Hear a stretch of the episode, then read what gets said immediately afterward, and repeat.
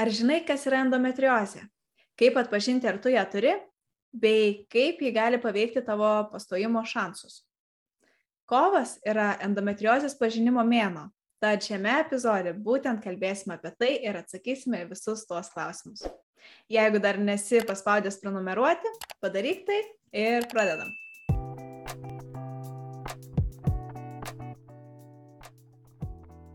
Sveiki, su jumis Vaisingumo šaknis ir Giedrė ir Jėva. Ir šiandien, kaip jau Jėva ir minėjo, kalbėsime apie endometriozę. Tai Jėva, gal galim pradėti nuo to, kas yra endometriozė, kas tai per lyga. Tai lėtinė uždegiminė lyga, e, kurios metu endometriumas arba kitaip gimdos gleivinė, e, jos lastelės išeina į kitas vietas, auga kitose vietose nei būdinga. Tai yra, kad auga ne gimdoje, ne gimdos gleivinėje, o už jos ribų. Tai pavyzdžiui, kiaušidėse, kiaušintakiuose, gali būti net e, kažkur viduje, dubens rytyje, taip pat netgi ant šlapimo puslės, žarnyne ir vėlyvose, labai vėlyvose stadijose tai gali pasitaikyti net ant plaučių. Bet tu, kaip jau minėjai, kad tai yra endometriumas, e, tai reiškia tai, kad tai tik moteris serga šią lygą, ar gali ir vyrai taip pat sirgti? E, na taip, tai endometriozė, tai būtų taip iš, išvertų šitą žodį, tiesiog, tiesiogiai būtų, kad tai yra gimdos gleivinės būklė arba gimdos gleivinės lyga. E, tai tie, kas turi gimdą, įprastai pas juos pasireiškia, e, bet yra keletas tokių labai išskirtinių atvejų užfiksuota literatūroje ir kad vyrai vis dėlto ją turėjo. Ir bet tai yra dažniausiai susijęs su tam tikromis vėžinėmis lygomis, pavyzdžiui, jeigu sirgo prostatos vėžiu ir buvo gydomas estrogenais, tai yra labai susijęs su estrogenais. Tai bendrai šita lyga, uh, ji pasireiškia tol, kol esame vaisingame amžiuje ir dažnai, kai prasideda menopauzė, ši lyga tiesiog dinksta, praeina jos simptomai. Ir, ir taip pat dėl to vyram, vat, jeigu yra didesnis estrogeno, estradiolio kiekis, jiem gali pasireikšti ši lyga. Bet tai tikrai nėra kažkokia taisyklė ir standartas, tai yra greičiau išskirtiniai atvejai, labai išskirtiniai. Ir tai yra tik tais keli tokie užfiksuoti literatūroje. Supratau. Tai reiškia, moteris serga dažniausiai šią lygą. O kaip dažnai ji pasitaiko? Bendrai populiacijoje moterų tai pasitaiko nuo 6 iki 10 kažkur procentų. E, nėra pastebėta kažkokio didesnio tos lygos atsiradimo pastaruoju metu, tai visą laiką, kaip ir buvo, sakykime, prieš 30 metų, taip ir dabar, na, toks panašus dažnis yra išlikęs. Ir tas tik tais sunkumas su šita lyga yra toks, kad labai sunku ją diagnozuoti, nėra dar tokių labai gerų būdų tai padaryti ir tas auksinis standartas išlieka laparoskopija, kai reikia grinai padaryti tuos pjūvius ir, ir viduje apžiūrėti, e, ar yra randami šitie žydiniai, nes pavyzdžiui su ultragarsu ar kitais metodais, na tai gali tiesiog būti nepastebėta. Mm. Ir dėl to moteris gali ilgai kentėti skausmus ar kažkokius kitus susijusius simptomus ir nežinoti, kad čia yra endometriozė ir gydytojai gali to nenustatyti. O tas vidurkis šios lygos nustatymo išlieka visgi septyni metai, kas yra labai daug. Tai jeigu septynis Oho. metus bando diagnozuoti, tai čia yra vidurkis. Tai kitiems reiškia trunka dar, dar ilgiau negu tai, kol galiausiai prieinama diagnozė, kad tai yra endometriozė. O, tikrai labai ilgai užtrunka. Ir tu paminėjai skausmus kaip simptomą endometriozės.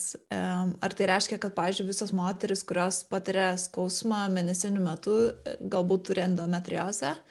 E, ar gali būti, kad tai yra ir tam tikri kiti simptomai šitos lygos be skausmo? Tai, kad sakyti, kad visom moterim, kurios patiria skausmą, jom yra endometriozė, tai tikrai taip nėra, tačiau visgi uh, net iki 80 procentų moterų, kuriuom yra endometriozė, jos patiria skausmingas mėnesinės, tai, tai, tai na, tikrai didelis procentas. E, ir tai yra būtent dėl to, nes tas gimdos gleivinės audinys, kuris yra patekęs kitose vietose negu turėtų būti, jis taip pat reaguoja į hormoninius pokyčius, cikle moterų, kaip ir gimdoje. Tai mes žinome, kad gimdoje, pavyzdžiui, jis nukrenta per mėnesinės, taip, e, dėl to mes turime mėnesinės, e, po to jis auga, veši ir visa tai vyksta ir tose kitose vietose, kur tas e, gimdos gleivinės lastelės, jo, tos ankopos yra, ar endometriozės žydiniai, kitaip sakant. Tai reiškia, dėl to ir pasireiškia šitie skausmai ir ypač per mėnesinės, nes tada nukritinėja tarsi tos, tarsi vyksta mėnesinės tose vietose, kur jos neturėtų būti, taip paprastai tariant.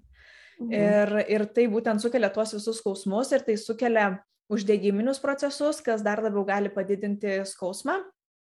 O tai žinoma, tų simptomų yra daug ir įvairiausių. Ir labai priklauso ir nuo stadijos, nuo sunkumo endometriozės ir nuo individualių faktorių.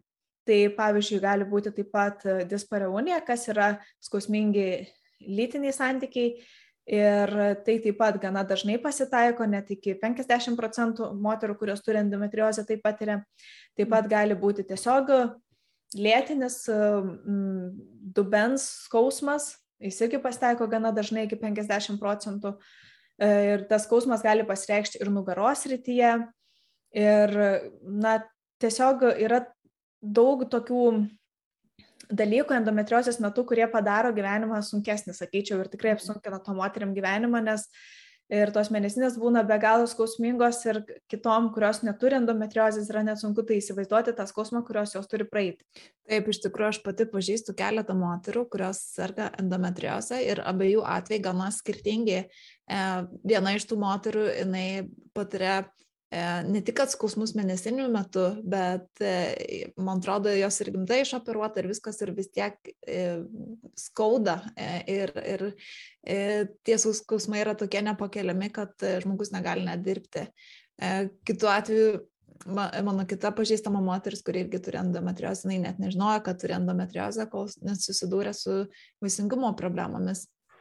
E, tai irgi tokie dideli, nu, kaip ir skirtumai yra, dėl to turbūt taip ir sunku nustatyti ją, nes nėra kažkokio vieno um, būdo atpažinti arba nėra kažkokio vieno simptomo, kuris būtinai tada sukelia tą įtarimą dėl endometriozės. Kaip ir šitų tavo atveju galima matyti tikrai tai labai skirtinga ir būna netokių atvejų, kai endometriozė visgi yra besimptomė tai vadinama tylioji endometriozė. Ir tai pasitaiko net iki 20-25 procentų visos endometriozės atveju nebūna jokių simptomų, bet visgi gali būti pridaryta žalos ir gali, pavyzdžiui, būti sukeltas nevaisingumas vis tiek. Mm. O tai kaip endometriozė ir nevaisingumas yra susiję? Endometriozė pastoti gali trukdyti per visus tos uždegiminius procesus dėl minėto endometriumo audinio patekimo kitur. E, tai dėl šių uždegiminių procesų atsiranda įvairios saugos, randai, pertvaros ir jie gali užkimšti, už, užkirsti kelią e, būtent e, spermatozoidam per kiaušintakius pasiekti kiaušialastę, tai pavyzdžiui, už padaro kiaušintakius nepratekamus arba net trukdo embrionų implantacijai pačioje gimdoje. Tai tokie yra pastebėti dabar kol kas poveikiai Bet e, jeigu endometriozė yra kiaušidėse, tai ten e, susidaro tokios šokoladinės cistos, dar kitaip vadinamos, arba mediciniškai endometriomos. Ir jos e, yra šokoladinės dėl to, nes ten yra būtent tas audinys endometriumo viduje, tai dėl to toks tarsi kraujas, taip. Ir, dėl tos spalvos tas toks pavadinimas ir kilo. Bet ten nieko nėra smagaus su tom šokoladiniam cistom ir jos gali užaukti labai didelės ir gali kliudyti, nu, jos tarsi užima visą kiaušidę ir tuomet trukdo kiaušialastėm bręsti ir netobuliuoti. Ir taip pat, jeigu jos netgi yra mažos, jeigu jos proksta um, ir išsilieja tas gimdos gleivinės um, audinys, tos lastelės išsilieja kiaušidė, tai labai sumažina kiaušidžių rezervą. Tai reiškia, kad sumažina uh, tą mūsų kiekį kiaušialąsčių likusių ir taip gali taip pat paveikti vaisingumą ir pastojimo galimybės. Mm, bet ar teisingai supratau, reiškia tai, kad e, moteris, kurios turi endometriozę visą laiką turės problemų su nevaisingumu? Ne, tikrai ne. Uh, tikrai ne visos moteris su endometriozė yra nevaisingos arba tikrai net ne visos patiria kažkokių tai sunkumų pastojant. Uh, bet yra pastebėta, kad tarp nevaisingų moterų kažkur 30 procentų turi endometriozę. Ir, ir dėl to tai yra toks didesnis, sakykime, skaičius negu bendroji populiacija. Žinom, kad iki 10 procentų bendroji populiacija, o tarp nevaisingų jau truputį didesnis, tai tikrai rodo sąsąją. Na ir visa tai yra paaiškinama, kaip ir minėjau, šitais uždegiminiais procesais ir taip toliau. Bet ar taip kažkaip paveiks vaisingumą ar ne, labai priklauso nuo jūsų individualios situacijos ir nuo stadijos endometriozės.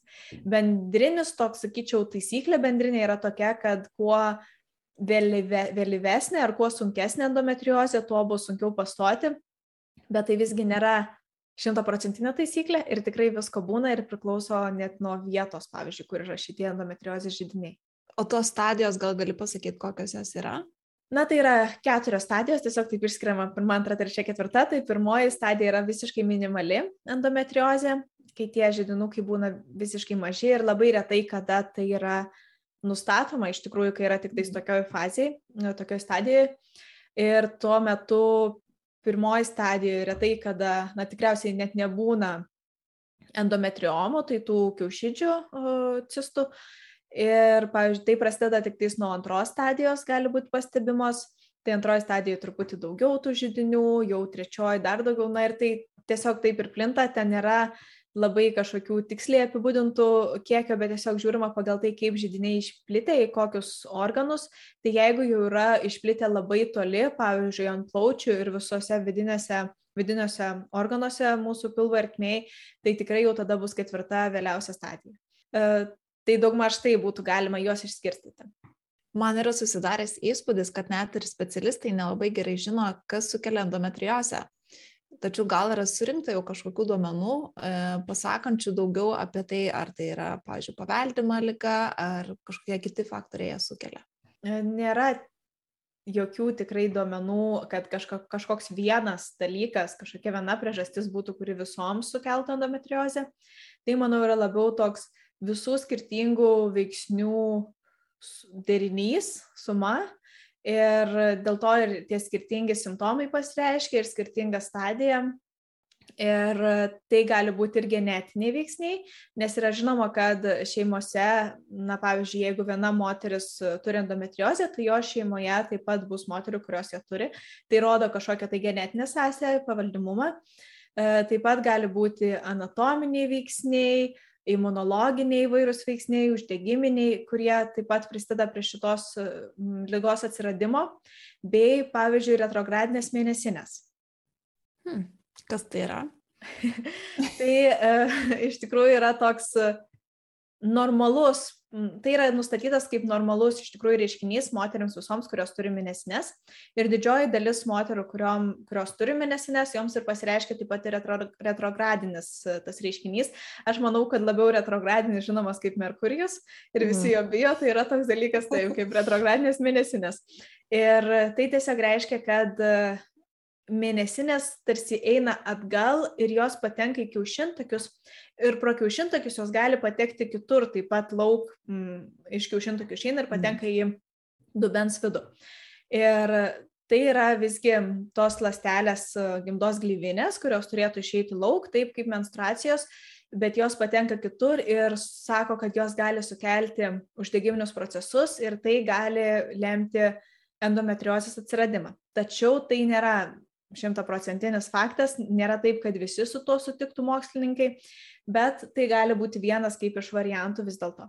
Ir su tom retrogradinėm mėnesinėm, kaip ir minėjau, tai dabar yra nustatyta, kad kaip ir tikriausiai didžioji dalis moterų jas turi, jos jom pasireiškia. Ir kodėl tai pasireiškia, taip pat nėra žinoma, nes daugiau jos yra studijuojamos būtent dėl endometriozės ir kaip tai gali būti susijęs su endometrioze, bet pačios jos na, nėra studijuotos ir nėra žinoma, kaip jos atsiranda ar kas tai lemia.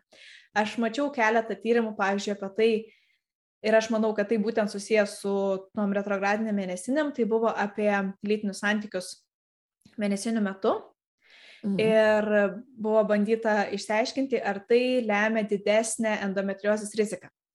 Tai nustatė, kad jokie lytiniai santykiai, lytinis aktas, nei analinis, nei vaginalinis, nei oralinis nesukelia didesnės endometriozės rizikos. Na, pavyzdžiui, mėnesinių metų, jeigu tai vyksta, tai, tai aš manau labai gerai, bet tuo pačiu tai reiškia, kad nes buvo bijoma, kad gal orgasmo metu Um, tai būtent ir lemia tai, kad mėnesinės tarsi išeina pro, tas, pro tos kiaušintakius ir kažkaip va, tai mhm. galėtų prisidėti. Tai vienas iš tų tokių hipotezių, bet ji buvo kaip ir paneigta, būtent susijusi su seksu, su lytiniais santykiais. Bet yra kita hipotezė, kas tai gali lemti, tai yra endokrininės sistemos disruptoriai, tai yra visi tie chemikalai mūsų aplinkoje. Ir sakoma, kad jie tikrai prisideda prie endometriozės atsiradimo.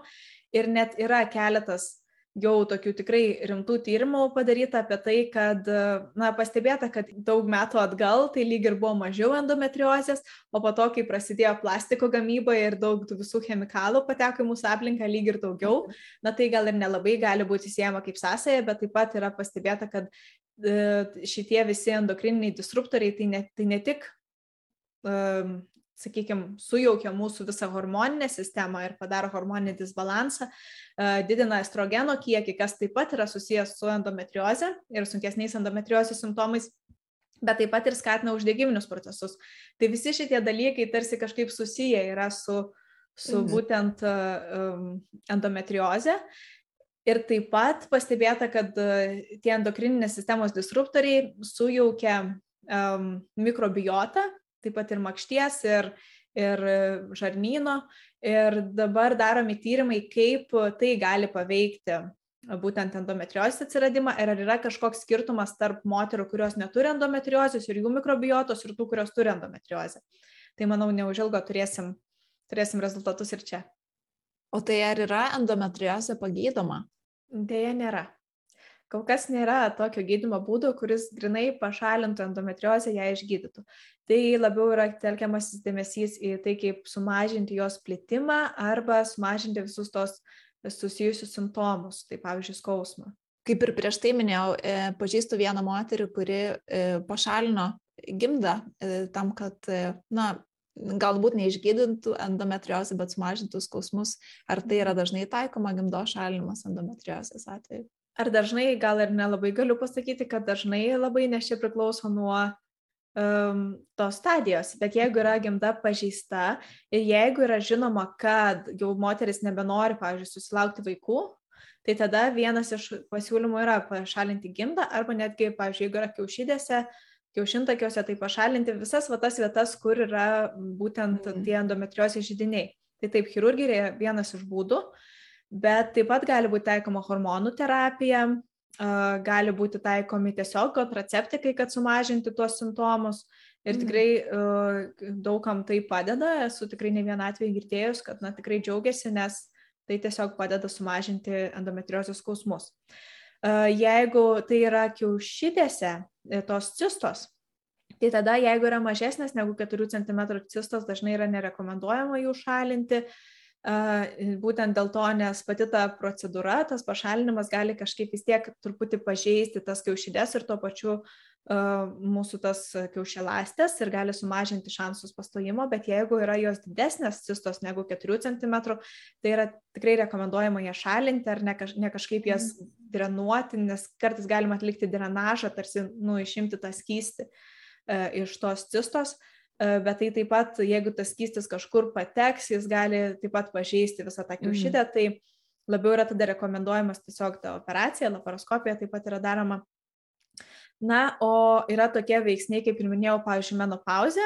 Tai jeigu prasideda menopauzė, sumažėja hormonų, tai greičiausiai, na, tiesiog nebeplinta ir pati endometriozė, tai ji gali netgi išnykti ir gali dingti, mm. nu, taip sakykime, kad nebebus tų skausmų. Uh, Ir neštumas taip pat turi iš tikrųjų tokių sąsajų su endometriozės sumažėjimu, sumažina jos riziką net. Tačiau tai nereiškia, kad tai yra kažkoks išsigelbėjimas ir tai tikrai nereiškia, kad po neštumo ji neatsinaujins. Na, pavyzdžiui, jeigu buvo endometriozė, neštumo metu dėl irgi hormonų pokyčių tiesiog gali nebesijausti jokių endometriozės simptomų, nebesijausti skausmo, bet įprastai po neštumo visgi po keleto mėnesių, kai jau nustojama ir maitinti, jeigu maitinama, tai kai hormonai vėl grįžta į savas vėžės, tai vėl gali atsinaujinti endometriozę taip pat. Tai čia nėra kažkoks gydimo būdas, nes m, tikrai yra vienas iš tų mitų, kad sakoma, ai, pastosi, būsi neščia ir tau viskas išsigydys endometriozę. Na tai tikrai dėja, bet endometriozės neišgydo. Mm. Tai atrodo, kad na, reikia moteriams turinčiams endometriozę kažkaip iš, išmokti gyventi su, su šia kaip ir būklė ar e, lyga, ar ne? Ar yra kažkokie būdai, kažkokie metodai, kur palengvina e, gyvenimą su šia lyga? Vienas iš tų tokių svarbiausių būdų, manau, yra tiesiog priimti endometriozę kaip savo gyvenimo dalį ir stengtis kuo daugiau apie ją sužinoti, na, tas tikros tos pagristos informacijos apie galimus gydimo būdus, apie tai, kas gali padėti būtent sumažinti skausmą. Išmokti, jeigu yra įmanoma, prisiderinti savo gyvenimo būdą prie būtent endometriozės ir jeigu, jeigu galima, pavyzdžiui, darbą priderinti, kad tada, kai yra skausmingos tos mėnesinės, kai prasideda, jeigu yra tada didžiausias skausmas, kad kažkaip nereikėtų svarbių susitikimų tada atlikti. Nes nu, mums gal ir atrodo, kad tai yra labai sunku padaryti, bet dažnai galima suderinti ir pasikalbėjus su uh, netgi savo bosų, su vadovais, galima taip pat uh, išspręsti šitas problemas. Ir aš žinau ne vieną moterį, kurios uh, kreipėsi ir bandė va taip prisiderinti, nes žinoma, tai yra na, toks jau tas gyvenimas yra tada su endometriozė ir turi bandyti priderinti tai, kad gautum kuo geresnę gyvenimo kokybę, sakykime, kad nereikėtų per kančias, per vargus ten kažko daryti. Taip pat, žinoma, susirasti gal kažkokias grupės, ta socialinė parama yra labai svarbi, jeigu yra kažkokios tai grupės, kur galima apie tai pasikalbėti, kur moteris tą patį išgyvenančios arba bendrai turėti gerų draugų, draugių, mm, šeimos narių, su kuriais galima apie tai pasikalbėti. Vis tiek ta socialinė mūsų parama mums visais atvejais yra labai svarbi. Tai čia taip pat šios, vis tiek tai yra lėtinė lyga, tai šios lygos, sakykime, lėtinės lygos atveju taip pat yra labai svarbu tas bendravimas, kad jaustumės suprasta, kad nes dažnai moteris su endometriozė praeina labai daug metų, kol galiausiai joms yra tai yra nustatoma, mhm. tai jos na, tikrai jaučiasi, atrodo, nesuprastos ir, ir dažnai asocijuojasi tai tiesiog su kažkokia skausmingo mėnesinėm ir visi, kuo tu čia perdedi, taigi čia visi mes turim tas mėnesinės, jos kartais paskauda, nu, tas, toks, tas toks vis tiek dar yra, sakyčiau, neigiamas ir negeras požiūris visuomenės, vien dėl to nežinojimo būtent, kas ta lyga yra ir kaip ji pasireiškia. E, tai, tai tikrai moteris turi tokius labai skaudžius, sakykime, išgyvenimus, nes atrodo niekas nesupranta manęs, niekas e, nežino, ką aš išgyvenu ir, kad, ir pati pradedi galvoti, gal aš tikrai perdėdu netgi kartais. Tai, tai nu, yra svarbu ta tokia parama. Taip pat, žinoma, miegas visada mūsų fiziniai, emociniai sveikatai yra labai svarbu, tai reikia skirti savo to laiko, o jeigu yra būtent miego kažkokių sutrikimų, kreiptis į gydytojus, kad padėtų.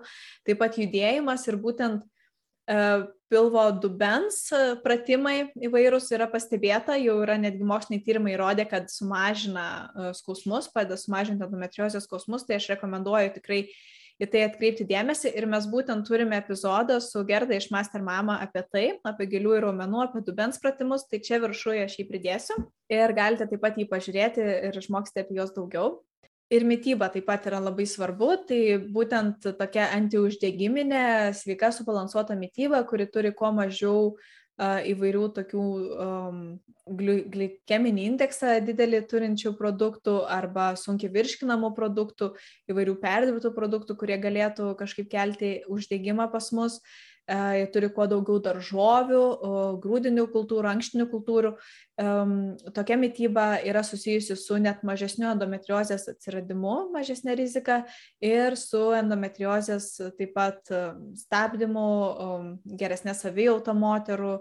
Tai yra netgi daryti tyrimai su, pavyzdžiui, įvairiais vitaminais, kad ten reikia B vitamino, folio rūgšties, vitamino C, kad jų šių vitaminų vartojimas, vitamino E vartojimas, tai yra tokie tarsi C ir E vitaminas yra antioksidantai, tai jie um, susiję taip pat tarsi padeda mažinti tuos radikalus pas mus, taip laisvuosius ir taip pat gali būti susijęs su antiždegiminiais visais procesais ir iš tos pusės taip pat su endometriozės slopinimu ar, ar jos atsiradimo rizikos mažinimu. Hmm. Ir mums labai įdomu, kokius būdus jūs naudojate, ar kaip, kaip jūs gyvenate su endometrioze, kas padeda, nes turbūt jeigu pasidalintumėte tokiais dalykais, taip pat padėtumėte ir kitoms moteriams galbūt atrasti naujus būdus, kurie palengvina būtent gyvenimą su šia lyga.